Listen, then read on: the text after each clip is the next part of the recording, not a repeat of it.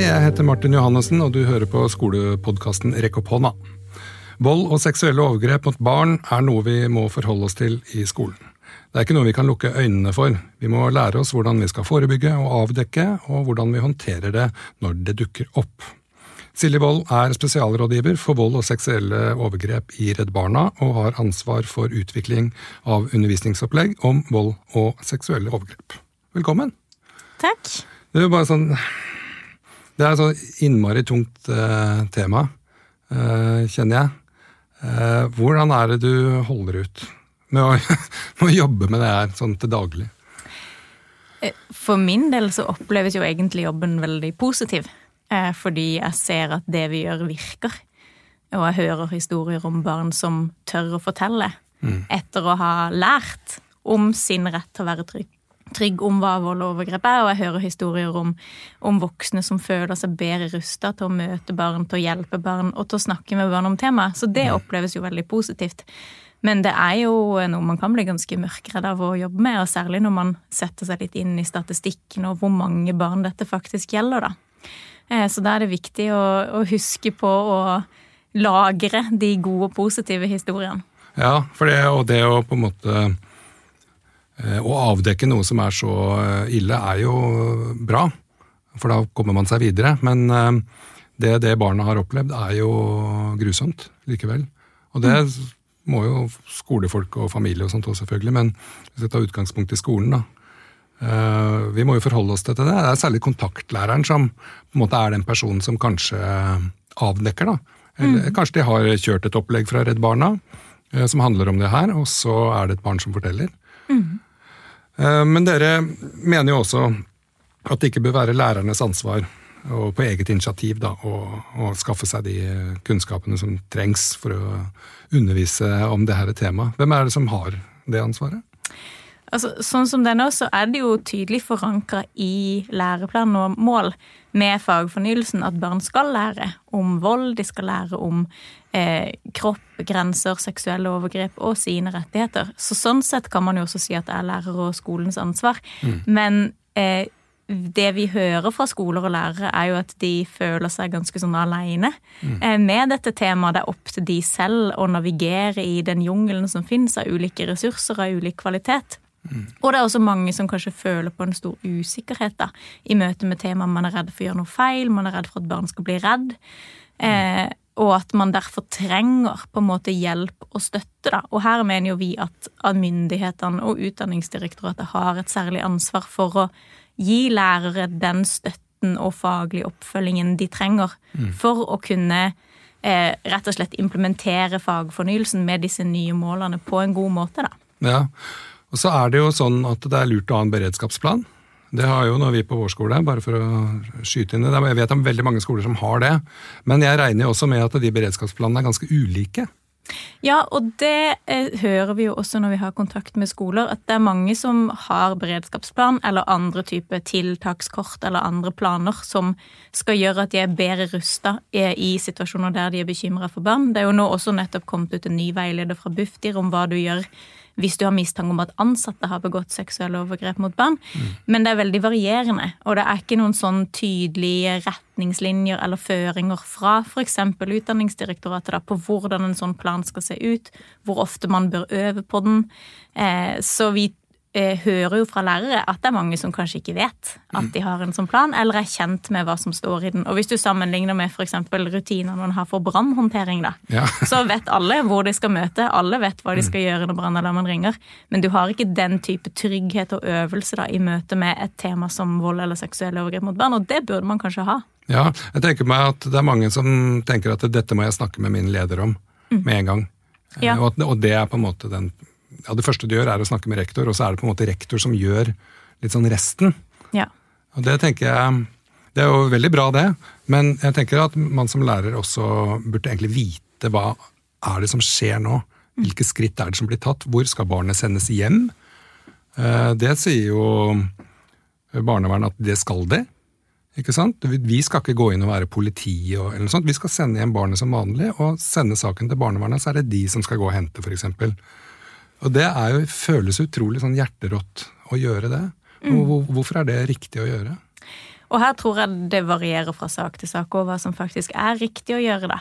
Eh, og her mener jo vi at det er viktig å, eh, være bevisst på som lærere at barnet skal føle seg trygg i denne prosessen. Mm. Og at det er barn selv som på en måte velger hvem de åpner seg for og er trygge på. det. Og du sa jo i stedet med at det kanskje er klasselæreren da, for eksempel, som er i en posisjon hvor de kjenner barnet godt nok til at et barn kanskje forteller om at de er utrygge hjemme, eller for den saks skyld at de kanskje har opplevd overgrep på nett eller på idrettsarenaen eller et annet sted. Mm. Men det kan også like gjerne være vaktmesteren, på en måte. Mm. Ja, det kan variere veldig hvem på en skole barn føler seg trygg på. Ja. Og det kan være forskjellig fra barn til barn. Og det er jo en grunn til at vi mener det er kjempeviktig at alle på skolen har en sånn grunnleggende trygghet med temaet og har kjennskap til de rutinene som gjelder, men også har kjennskap til hva trengs for at barn skal være trygge?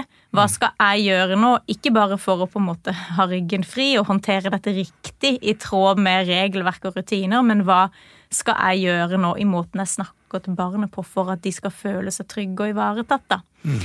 Eh, og veldig ofte så er det jo sånn at hvis barn begynner å åpne seg og forteller noe, så forteller de bare litt. Ja. Eh, eller de forteller kanskje noe litt annet enn det de helst ville fortelle, fordi de tester vannet litt. Mm. Eh, de tester ut på en måte tilliten til denne voksenpersonen. Er dette noen som vil meg vel? Er dette noen jeg kanskje kan få hjelp fra? Om det som virkelig er viktig for meg. Eh, og hvordan det da håndteres med en gang, er veldig viktig for om, om barnet da har tillit til å faktisk fortelle videre. Mm. Så her mener jo vi f.eks. at det er lurt å ha litt is i magen med en gang. Eh, hvis et barn eh, betror seg til det, og ikke tenke at man skal på en måte levere saken videre og opp til ledelsen med en gang, men bruke litt tid på å være nysgjerrig og, og finne ut av hva er det dette barnet faktisk har på hjertet. Hva er det dette barnet sjøl føler? Hva tenker dette barnet om å reise hjem nå? Mm. Eh, og hvis det er sånn at det er et barn som virkelig eh, Som du tror kan være i fare, da, så kan du jo ringe politi eller barnevern med en gang. Ja. Men i de aller fleste situasjoner så vil det nok heller være noe som går over tid, og hvor det kanskje også er riktig at du bruker litt tid Mm. før du melder saken videre. Men når jeg sier at man skal ha is i magen og bruke litt tid, så mener jeg jo ikke at man skal på en måte stoppe opp der. Nei. Eh, for det er nok også en tendens og en risiko at dette er jo, som du sa innledningsvis, et vanskelig tema. Eh, og det mest behagelige er å tenke at man hørte feil. Mm. Eh, eller å tenke at dette egentlig ikke var en sak. Mm. Eh, og at man så på en måte viker unna og ikke følger det opp, da. Eh, men jeg tror, eh, som du sa, så er jo dette med beredskapsplaner og rutiner er en viktig, og det er viktig at man øver på de og er kjent med de alle ansatte på skolen, men i det så må det på en måte ligge en, en forståelse av hva barnet trenger da, i denne situasjonen, og ikke bare hva måte, regelverket sier om hvordan man skal melde fra. Ja, for jeg hører jo sånne historier om at eh, en lærer eller en barnehagelærer har hatt en uh, dårlig magefølelse på noe, uh, og har meldt bekymring, og så viser det seg at det var mye verre enn det du mm. trodde. Så jeg har jeg også hørt historier om uh, lærere som på en måte ikke gir seg overfor barna. Du hører en historie en gang, litt, men det, var litt sånn, det skurrer litt. Dette hva er dette egentlig? Så fortsetter de å spørre, og fortsetter og fortsetter. Og så etter hvert så mener de da at barna tenker at dette må jo være viktig, siden mm. læreren eller eh, barnehagelæreren spør så ofte. Mm. Og så begynner de å fortelle, mm. og så blir det en avdekking. da. Mm. Det, men det tenker jeg også er veldig vanskelig å mm. gjøre. Hvis du har en dårlig magefølelse, spør barnet, ah, så kan du avkrefte, leiter etter ting som liksom på en måte sier at dette er ikke noe trenger vi ikke å bry oss om nå. Det går sikkert bra. Han Pappaen der er jo kjempesnill. Mm. Trener på fotballaget til og med. Ja, og jeg tror her er det på en måte en, en viktig balansegang å ha. da. Eh, mm. fordi at på den ene siden så er det utrolig viktig å ikke gi seg når man har en magefølelse. Altså Det er viktig å fortsette å være nysgjerrig og utforske hvis det er sånn at man tror at et barn ikke har det bra. Men så er det jo også lett å kanskje eh, gjøre seg opp en mening om hva det er. Mm. Og det kan være litt farlig, for da kan man lett på en måte se Man kan få litt sånn tunnelsyn, da.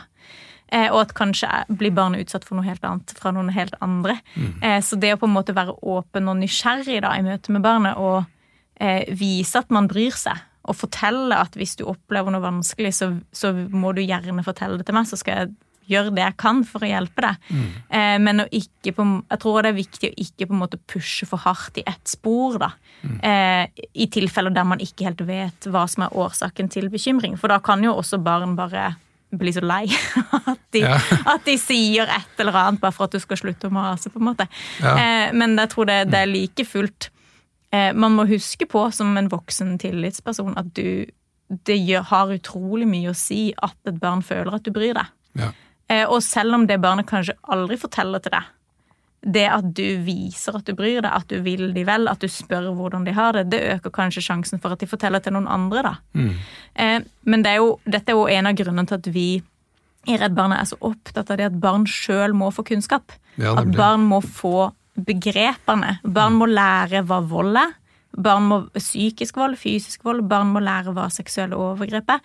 De må lære at aldri er deres skyld. De må lære eh, hvordan de kan få hjelp, at de har rett til å få hjelp. Fordi når barn lærer dette, så får de også og begreper som gjør det lettere for de å sette ord på hva de opplever. Og det er kanskje lettere for de å si fra, for det vi vet jo at mange barn ikke tør å si noe fordi de tror det er sin egen skyld. De er redd for hva som skal skje. Kanskje de har blitt skremt og fortalt om ting som ikke stemmer. da. Mm. eller blitt trua, eksempel. Eh, eller de kan være fryktelig, fryktelig flau eh, og føle at de sjøl har vært med på det. Særlig ser vi jo dette eh, når det gjelder seksuelle overgrep på nett. da.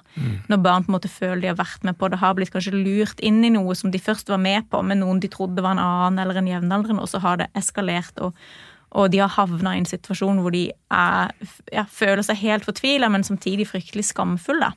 Og det å da gi barn den informasjonen om at det ikke er deres skyld, de har rett til å få hjelp, det er ikke de som har gjort noe galt her, eh, det er en, en veldig viktig sånn, forutsetning da, for at de skal eventuelt fortelle. Og så mener jo vi dette er veldig viktig forebyggende. Altså Det at, at voksne og lærere skal snakke med barn om disse temaene, er jo ikke bare fordi man skal oppdage de en eller to eller tre i klassen som kanskje har opplevd det eller kommer til å oppleve det, men det er jo vel så viktig for at barn skal ha denne kunnskapen før de trenger den.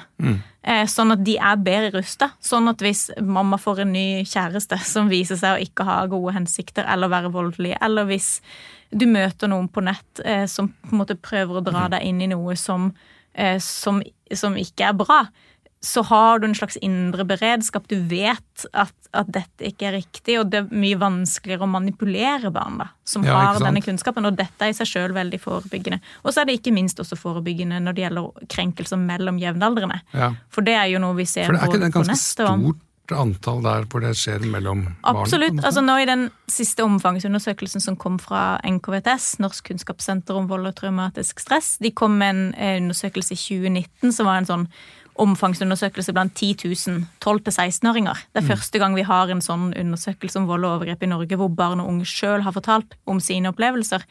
Og der fortalte jo så mye som én av fem, jeg tror det var 22% som fortalte at de hadde opplevd seksuelle krenkelser fra jevnaldrende.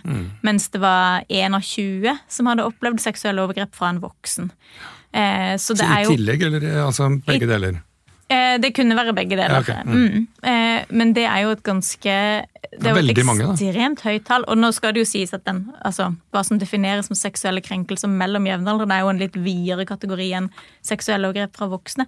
Men like fullt så er det jo dette det er veldig alvorlige funn. Og, det, og vi ser det også i måte, statistikken fra Kripos om hvor mange voldtektsdømte som er relativt unge. da.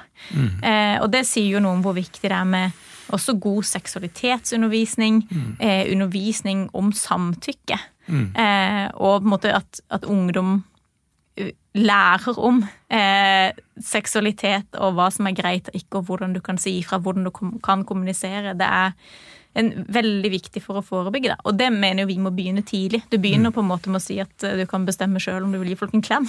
Ja, ja. I barnehagen, ikke sant? Og så ja, tar du det derfra. Ja. Men jeg tenker, altså, Dere lager jo undervisningsopplegg, og andre lager jo også dette her. Og det er viktig at, at barn lærer, eh, og ungdom lærer om vold og overgrep. Men hvis man står der og jeg har egentlig ikke funnet noe opplegg, eh, hva er det vi skal se etter? Hva er, det, hva er det som på en måte kan trigge en mistanke hos meg som lærer?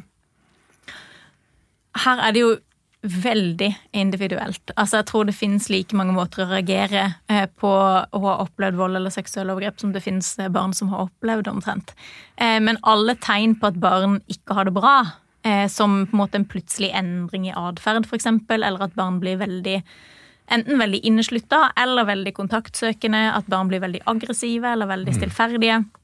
Noen kan eh, kanskje oppleve å få veldig sånn eh, nesten tvangsmessig forhold til renslighet, mens andre kan det gå motsatt vei, at de eh, på en måte neglisjerer hygiene og den type ting. Det kan være ganske sånn ulike tegn da, eh, i ulike aldersgrupper, men og generelt så er det ikke sånn at det er så lett nødvendigvis å skille Altså tegn på at barn ikke har det bra, er en, eh, en brei kategori av ulike tegn, og det skal alltid følges opp. Eh, men der tenker jeg igjen det er viktig å ikke ikke få tunnelsyn på at man mm. tror at dette må være overgrep, dette må være vold, men heller tenker ok, her er det et barn som plutselig har endra atferd, eller her er det et mm. barn som, eh, som, virker som de ikke har det bra, og så må ta det derfra da, og prøve men, å utforske litt derfra. Men altså, flere og flere ganske små barn, barnets, småskolen, har etter hvert fått et ganske sånn seksualisert språk. Mm. Det, det, det, plager meg litt, for jeg veit ikke hvor det kommer fra. Jeg veit at vi ikke har hatt det på timeplan. Uh, jeg kan ikke spørre pappa og mamma om de har lært det av dem, men de har lært det et sted. Hvor, hvor er det kommer fra? Har dere noe innsyn i sånne ting? Altså, vi vet jo at altså, Barn og unge blir jo eksponert til veldig mye innhold på nett eh, som foreldre og lærere kanskje ikke vet om. Mm. Eh, og der er det også mye seksualisert innhold og mye eh, grovt innhold. Eh, så der kan nok noe av forklaringen ligge. Men eh, Vårt råd da, til lærere er jo nettopp derfor å snakke med barn også om dette. Og vi har jo også verktøy for å snakke med barn om pornografi på nett mm. eh, og den type ting. Og ikke minst å være eh, nysgjerrig med, i møte med barna da, og spørre hvor det ordet har jeg ikke hørt før. Hvor har du Nei. hørt det? Ja, men Jeg hadde et eksempel hvor det kom en uh, liste med ord fra, fra en uh, liten elev hos oss. Og så var det en lærer som sa nå veit du ikke hva du snakker om. Men det gjorde han. Han forklarte hva det betydde, alt ja. det han hadde sagt. Ikke sant. Og det var jo ganske sjokkerende. Men skal man da gå videre? Skal ringe barnevernet da, eller skal man ringe hjem? Hvem, hvem skal man ringe? Man må jo snakke med noen. Eh, I tilfeller hvor barn har på en måte en språkbruk eller atferd som man tenker ikke er aldersadekvat, da, som det høres ut som det er i ditt tilfelle, at de på en måte har informasjon de kanskje ikke burde hatt ut fra ja. den alderen de er, så kan jo dette være på en måte et eksempel på bekymringsfull seksuell atferd mm. Eh, hos barn. At de kanskje har på en måte en, en pornografibruk da, for eksempel, som ikke er aldersadekvat eh, og ikke, ikke, bra for de i den aldersgruppa. Nei. Og der eh, er jo for eksempel RVTS eh, regional Hva heter det igjen? Sånn regional BUP pleier vi å kalle det. Ja, ikke sant. Ja regionalt ja, ressurssenter mot vold og traumatisk stress. Ja. De har utvikla veldig gode verktøy på akkurat dette. De har en nettside som heter seksuelladferd.no, eh, og også mm. et sånn eh, spill man kan bruke med barn for å, å snakke med dem om disse temaene. Så de har utvikla veldig gode ressurser på dette, og de har også egne kurs for lærere i å på en måte håndtere mm. og identifisere eh, barns eh, seksuelle atferd og forstå når er dette på en måte et naturlig Eh, en naturlig del av barns utforskning og utvikling, og når er dette noe vi bør være bekymra for, eller som er direkte skadelig, og hva skal vi gjøre da? Mm. Men hvordan, eh, hvordan gjør vi alt dette her på en god måte, da? Vi må jo kunne håndtere det. Vi må jo ha en kunnskap om hvordan vi skal gjøre det. ikke sant? Vi skal ha gode undervisningsopplegg for barna, også for å forebygge, men også å avdekke. Man kanskje ha også en sånn beredskap. Hva gjør vi etter det undervisningsopplegget hvis noen kommer til å si noe? Eh, men hvordan gjør man hele den, alt som har med dette her på en god måte for en skole? Vi tenker jo at alle skoler bør lage en plan. da. Ja. Eh, at de bør rett og slett lage en plan for hva er det barna på vår skole skal lære om disse temaene på ulike årstrinn? Hvilke verktøy vil vi bruke? Eh, og her har jo Redd Barna flere verktøy, og det er også andre gode aktører som har verktøy. Bufdir har utvikla noen, Utdanningsdirektoratet holder på å utvikle noen flere, har jeg hørt. så her tenker jeg det er lurt at det er klokt at ikke den enkelte lærer blir på en måte overlatt til seg sjøl til å navigere i denne jungelen av ulike opplegg, men at skolen sammen lager en plan for hva vi gjør på ulike trinn. Hvilken rolle skal de ulike lærerne ha i dette? Når kobler vi på kanskje helsesykepleier og sosiallærer? Eh, og ikke minst hvilken kompetanse trenger vi som team da, for å gi barn denne kunnskapen på en god måte. Kanskje det bør være et tema på en planleggingsdag en gang i året, f.eks. Mm. At man får inn eh, noen som kan heve kompetansen. At man gjør det til et tema i klasse, eh, på lærerværelset, da, som man ja. snakker om og deler erfaringer rundt. Og hvor man også da kan dele erfaringer rundt disse ulike oppleggene man bruker, og hvordan de funker. Og så En viktig del av dette er jo da å ha også en god beredskap i bånn. At man er kjent med mm. og føler eierskap til den beredskapsplanen man har, og øver på den. Eh, og at man også på en måte kanskje deler erfaringer rett og slett om hvordan, hva man gjør i saker der man er bekymra for barn, og hvordan det går. da. For det er jo ikke det høres jo lett ut å snakke om, men det å faktisk stå i en sak der du er bekymra for et barn, og hvor du kanskje må melde videre mm. til politi eller barnevern, det er jo ekstremt belastende for alle parter. Ja, altså, Det kan Eh, jo også være lærere som har eh, opplevd eh, vold og overgrep sjøl, som barn. Absolutt. Som også blir, kan bli litt sånn re- retraumatiserte når Mm. vi møter på det igjen. da. Absolutt. Eh, Og det er jo òg en grunn til at jeg tenker det er viktig å, ha, å gjøre det til et tema i, på lærerværelset og på planleggingsdager også, da. At da eh, kan man også sørge for at også læreren vet om hvilke steder man kan henvende seg for å få hjelp, hvis man skulle trenge det sjøl, da. Eh, og så er det jo mange gode steder man kan henvende seg for å drøfte anonymt. NOK-sentrene, f.eks. Eh, og andre steder man kan ringe for å bare drøfte saker og få litt hjelp når man står i det. Men sånn når det gjelder skolen, så tenker jeg igjen da at dette med å ha en plan er viktig. Eh, og ha på en måte felles arenaer for drøfting og, og kompetanseheving, og så en god eh, beredskapsplan i bunnen da også, som man øver på. Nå- Men nå har det da gått et år siden eh, landet stengte ned, og elever har eh, veksla mellom gult og rødt nivå. Og jeg har lest både her og der at eh, flere blir utsatt for vold da, nå enn de ville Ja. blitt uh, ellers. Men det, det er jo en forskjell der. Har, Ja. Men det, har blitt flere tilfeller av vold, har det ikke det? I hvert fall ifølge statistikken, altså anmeldelsesstatistikk og bekymringsmeldinger, ser det nå ut til at vi har hatt en stor økning. Eh, der hvor det først var en veldig stor nedgang eh, da Norge stengte, og så fikk vi en økning etterpå. Eh, og omfangsundersøkelser blant ungdom også viser at så mye som én av seks ble utsatt for vold eller overgrep i løpet av de to ukene, nei, de åtte ukene, eller hva det var da Norge stengte i fjor. Eh, og mange ble da utsatt for første gang, og mange ble særlig utsatt for overgrep på nett for første gang. Så det, vi har absolutt grunnlag for å si at det har vært en økning, og jeg tror nok denne økningen også er større enn vi vet nå. Det At det er mye mørketall, som ikke er, er avdekka ennå, nettopp fordi at mange av disse sitter jo fremdeles hjemme, da. Ja, og ikke har noen å snakke med, egentlig.